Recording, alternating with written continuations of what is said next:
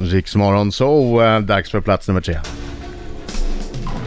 Måns Möllers Worldwide, plats nummer tre. Tartras Goose! Puesto numero tres. Eh, Det har ju varit veteran-EM i bull. Vi pratar om ja. den enorma skandalen Ja, ja. i bullvärlden. Ja. Sverige hade hårt motstånd, framförallt från the Germans. Så Germans. Yes, den närmare bestämt den tyska mästerspelaren Klaus Mohr.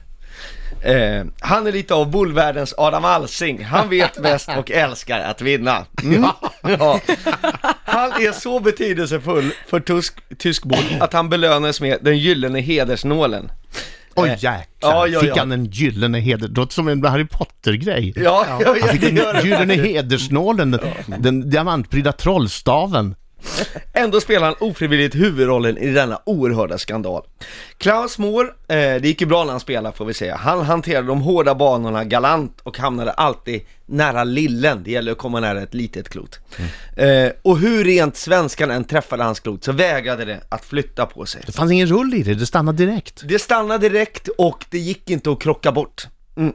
Svenskarna var så inne i matchen att de inte anade oråd när tyskarna vände 1-5 underläge till seger.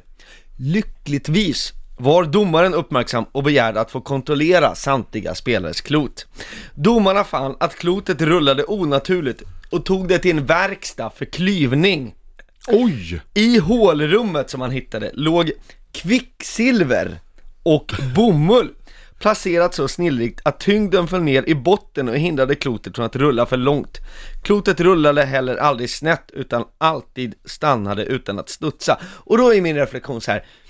Känns det inte lite tyskt va? Att komma och besuda denna vackra franska nationalsport som helst bör avnjutas iförd basker och cigarill smuttandes på en pastiss vid hamnpromenaden i Marseille. Pardon monsieur, voulez-vous bulle avec moi ce soir?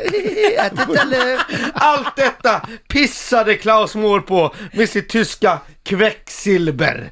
Quecksilber ist eine hochgiftige Substanz, das nicht hör hemma i bullvärlden Nej, det gör det. Verkligen inte. Nej. Nej. och jag kan förstå om man likt Johaug drar i sig anabola för att vinna världscupen och få sponskontrakt med Fischer Ah, för pappa, 10 miljoner netto per år.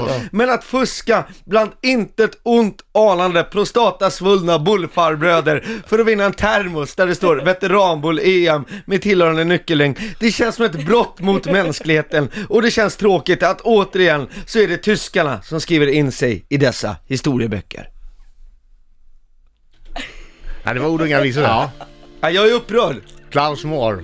Klaus Mohr, den är, brott, vi, vi kommer att se ännu en eh, Nürnberg-rättegång. Das war nicht gut, Klaus. Das war nicht gut. Nej. Nein, Nej, Klaus. Jag var ju igång. Jag vet.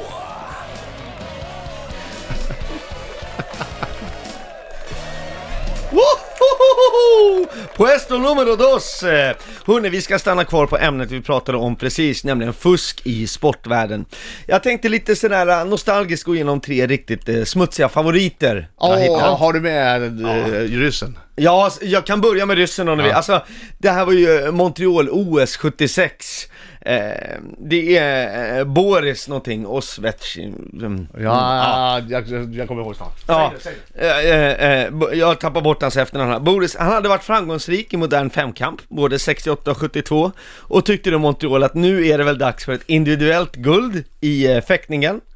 Och byggde sin egen värja så han kunde trycka på en knapp på värjan när han fäktade så att Ja. han fick poäng utan att han nuddade då motståndaren Jim Fox. Boris Onichenko. Boris Onichenko hette han, precis.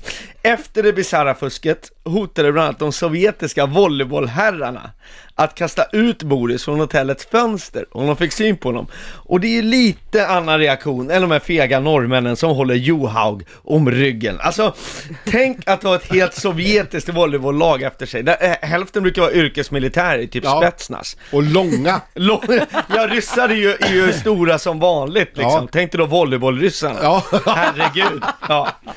På plats nummer två då är det då Spanien som vann guld i eh, Paralympics. Det var ju så sjukt, i- sjukt, I sjukt! basket va? Eh, problemet var ju bara det, de står där och firar sitt guld, att 10 av 12 i laget inte var då förståndshandikappade, de hade inga handikapp alls. Utan de hade fejkat det här. Hur, hur är man funtad då om man fejkar en mental, ett mentalt handikapp för att få vara med Ja, i. Paralympics och slå andra lag? Alltså det är så Ja, häpnadsväckande uselt. De blev ju nästan skalperade i, i Spanien de där killarna. ja, men det här har faktiskt, skämt åsido då, resulterat i att eh, eh, de blev utslängda, alltså folk med utvecklingsstörning ur parafamiljen, för man tyckte att det blev för svårt att kontrollera och så vidare. Så att jag, till exempel Tråkigt. de här svenska killarna som tävlar i, i fotboll, Ja. det okända landslaget Just det, som, som det just det. kallas. Eh, de var ju nu i, i eh, efter liksom vanliga EM, så var ju de och spelade EM och de har ju inte då fått pengar från eh, Nej. parasporten. Men hur kom de dit? Jo, tack vare pengar som jag har varit med och samlat in. Ja. Där bland annat vår eh, fantastiska Adam har skänkt pengar. Ja. Så de fick Är åka det dit. Och League Foundation som? yes, och eh, tog ett brons. Så hatten av till det, det okända landslaget, får jag säga. Det, men de här spanjorerna, eh, de avsöks av den spanska journalisten eh, Carlos Ribagorda, som infiltrerade, sig in i laget under två års tid. Oj! Och då måste jag säga, om det tar två år att avsluta, förstår ni hur grymma skådisar ändå de måste vara? Det måste man ge, ge, ge spanjorerna, de gjorde det ju ändå. Men alltså jag vet, jag, jag kommer ihåg det här, det, men det är ju så sjukt! Ja, det är faktiskt sjukt. Hur Det, kan man göra det är helt så? stört. Och på plats eh, nummer ett, Är det fuskarna här? ja, upp, ö, ja, alltså plats nummer ett på min plats på Esto numero dos. Ja, det kom ju en riktig plats nummer Ja, ett sen, ja. men på min lilla fusklista. Så är det då eh, bröderna Sergio och Fika Motsueneng. Eh, Sydafrika pratar man, vi pratar Mm. maraton. Det var dags för maraton och de hade en genial plan. Fika startade loppet, de, de här ser ju också identiska ut ska vi säga, de här bröderna. Ja, ni förstår vart vi ska komma redan nu, antar jag. Eh, han startade loppet för att efter halva sträckan ersättas av den till utseendet identiska brodern, eh, Sergio, som hade gömt sig på en bajamaja. Eh, nu står det inte baja, det står toalett, men jag, jag antar Ja. att det är en sån, ut med, ut med banan. Eh, och ja, hur som helst så eh, kommer de med mål eh, och fusket kom på då efter att Sergio, som hade tagit över efter halva sträckan, hade missat en detalj. Han hade tagit på sig klockan på fel hand. Nej! Jo, visst. Men, men, men det dumma är, tycker jag, i det här att, ja och antagligen luktar han väl gammal bajamaja, Ja. han måste ha suttit gömd här en och en halv, två timmar Ja. liksom. Ja. men att, att, ja, och, och, och trots allt det här böket så kom de ändå inte bättre än nia, så jag tycker det var, det var, det var, dålig, det var en dålig plan det här faktiskt. Detta var Puesto numero dos. Och nu du Måns Möller!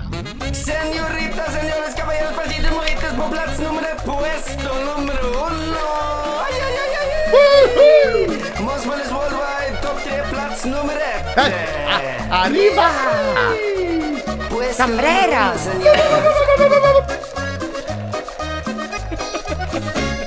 Ja, tackar jag. Ja, ja. Eh, nu blev det ändå lite onsdagsstämning till slut Ja, får jag säga. ja, ja, verkligen. Och förra veckan eh, tyckte jag själv då, jag recenserar ofta mig själv, att det var väldigt roligt. Vi, vi pratade ju om att eh, Fredrik Birgings nya flickvän var uppblåsbar, så här lät det. Rånar du Fredrik Birging, då kan du få med hans nya uppblåsbara flickvän. Nej, det var taskigt, det var lågt. Jag vet att Fredrik har problem med sitt nya förhållande, för hon har nämligen fått pyspunka.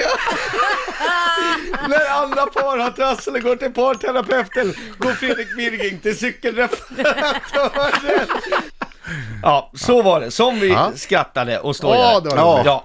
Men nu i veckan slog nyheten ner som en bomb. Och jag ska läsa till från rubriken eh, i Expressen. Hon låg med världens första manliga sexrobot. Så var det. Va? Oj, oj, oj, oj. Mina damer och herrar, det finns klickraketer och så finns det klickraketer. Lugna er nu, jag lovar att berätta allt. Eh, så slipper ni klicka. Ja. Det var nämligen 17 minuter långt det här klippet. Oj. Eh, ja, men sammanfattningsvis så kan vi säga att ligga med den här manliga sexroboten var sådär. Men det, det är ändå ganska bra för att vara robot. Ja, hon säger så här, tje- tjejen i artikeln då, eller inslaget som testade dockan säger Det var bättre än en Tinder-date, sa hon, fast på amerikanska. Och så sa hon då å andra sidan, hon saknade den mänskliga kontakten. Ja. Föga förvånande. Men det är inte det som är grejen. Det som upprör mig är prislappen. Den här dockan kostade 55 000. Och inte nog med det, vill man göra om huvudet så kostar det 8000 dollar extra. Det är fruktansvärt mycket pengar. Du kan alltså få huvudet, Kan jag få Måns Möllers huvud? Ja precis. Där har vi någonting. Det, det det är nog värt ändå. Ja. Och, och jag menar, det är klart att man lägger den extra pengen, 8000 dollar. Jag menar, man vill inte ligga där med en docka i sängen som man känner är ful, eller hur? Nej. Nej, nej, nej. Om man nu får Gud välja. förbjude. Ja, förlåt, nu hände något som jag inte hade räknat med. Nu har Laila börjat smsa, hon vill köpa en, skriver hon. Jaså? Eh, ja, ja, då vill jag... Nu vill jag säga till dig Laila, eh, att jag har kollat med Skatteverket och du får inte dra det som friskvård. som du har gjort med din persiska toyboy Korosh som du har under sängen hemma på Lidingö. Och Han är avdragsgill alltså. och dessutom Laila, du vet ju det, ju mer tekniska grejerna är, det här är ändå en robot, desto större risk är det att någonting pajar. Jag menar, hur, tro, hur, hur kul tror du det är om du ska ha fredagsmys och så får inte sexroboten upp den? Det här kan ju verkligen hända. Vilken deppig konversation! Och ligga där och roboten bara det är inte dig det är fel på, det är mig. Du ligger aldrig kvar och myser, jag känner mig så billig trots att jag kostar 55 000 plus 8 000 dollar extra för du ville att jag skulle se ut som Fredrik Birging. Och det är det här som är grejen, det blir för stort till slut. Alltså vi är för engagerade, det har varit lite artiklar i pressen att folk tar inga snabbisar längre. Vi har fått för höga krav i vårt sexliv, det ska vara perfekt. Jag menar, jag har ju ändå tentaklerna ute bland ungdomarna idag. Alltså jag var ju gigga till exempel på Tylösand i somras. Där kom det fram såna här Paradise Hotel-killar Ja. i tanktops och bara Möller, har du provat Red Bull och Viagra då? Jag tänkte, vad, vad pratar Har du provat Red Bull Viagra? Man kan köra åtta gånger i rad med bröd bara så jävla bra. Jag tänkte, åtta gånger i rad, vad gör kidsen nu för tiden? Och jag ska vara ärlig, jag är ingen grekisk gud i sängen. Jag kan ligga en gång Max! Och det är inte för att det är skönt, det är med att man somnar så gott efteråt. Alltså, jag bara säger som det är. Nej, men, jag menar, jag har ju varit singel, jag har varit på turné, ladies. Alltså, det, det, efteråt känner man med den här unga generationen, det ska vara, man ska analysera, så här, var det skönt för dig, var det skönt, vad fan, är vi på konferens nu? Skicka ett mail om det är så viktigt. Och det är så här, jag har haft flickvän säga, åh du är så dålig på eftermys, man ska pilla i örat och slicka. Jag menar, är man klar är man väl klar? Varför ska man göra det man gjorde innan fast dåligt. Det är som om Patrik Sjöberg hoppar 2,42, alla jublar. Sen ska han lägga ner ribban på 80 cm. Nej, nu ska jag myshoppa lite. Alltså det, det blir bara ett antiklimax. Så sammanfattningsvis. 55 000 spänn för dockan plus 8 000 dollar för ansiktet och mitt i allt så känner man han var nog inte så fel ute, den här Fredrik Birging. Säga vad man vill om hans uppblåsbara flickvän, men 8000 dollar kostar hon då rakt inte. Och visst, det kanske inte är den mest exklusiva flickvännen han har, men han står för det, han älskar henne för den hon är, och det är väl det kärlek handlar om.